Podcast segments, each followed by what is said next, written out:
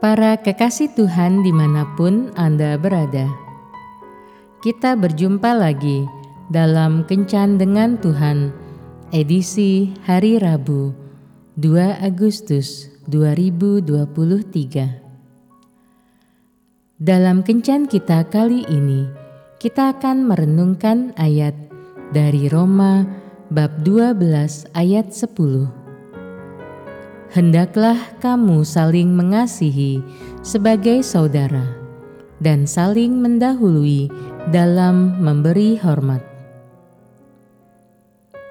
Para sahabat kencan dengan Tuhan yang terkasih, dari semua tanaman di Palestina, badam adalah pohon yang pertama kali berbunga pada akhir musim dingin atau di awal musim semi. Mungkin itulah sebabnya namanya dalam bahasa Ibrani disebut syakit yang berarti mempercepat. Biji badam atau almond mengandung minyak yang sangat bermanfaat bagi kesehatan. Berbunga lebih awal dari pohon-pohon yang lain. Itulah salah satu hal penting yang kita ketahui tentang pohon badam. Ini mengingatkan kita sebagai pengikut Yesus untuk selalu berlomba-lomba dan saling mendahului di dalam berbuat baik. Sangatlah mudah untuk membenci ketika seseorang menyakiti hati kita, tetapi untuk berlomba-lomba dan saling mendahului dalam berbuat baik, tidak semua orang mampu melakukannya.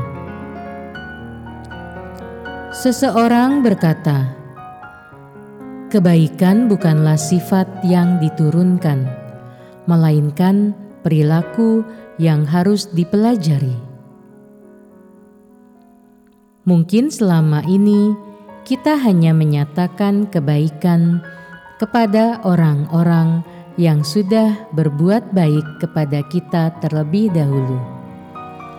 Kita menunggu dan hanya menjadi penonton saja ketika orang lain berlomba-lomba berbuat baik. Kini saatnya kita belajar menjadi yang pertama di dalam berbuat baik, supaya di mana ada kebencian, kita datang membawa damai. Di mana ada kesedihan, kita datang membawa penghiburan.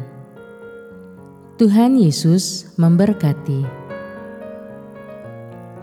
Marilah berdoa. Tuhan Yesus, jadikanlah aku pembawa damai.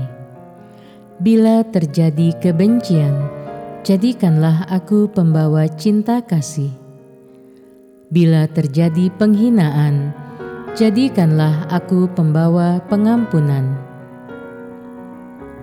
Bila terjadi perselisihan, jadikanlah aku pembawa kerukunan. Bila terjadi kebimbangan, jadikanlah aku pembawa kepastian. Bila terjadi kesesatan, jadikanlah aku pembawa kebenaran Bila terjadi kecemasan, jadikanlah aku pembawa harapan. Bila terjadi kesedihan, jadikanlah aku sumber kegembiraan. Bila terjadi kegelapan, jadikanlah aku pembawa terang. Tuhan, semoga aku lebih ingin menghibur daripada dihibur, memahami daripada dipahami, mencintai daripada dicintai.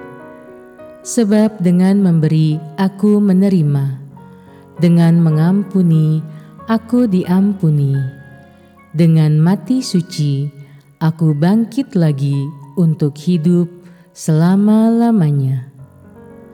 Amin.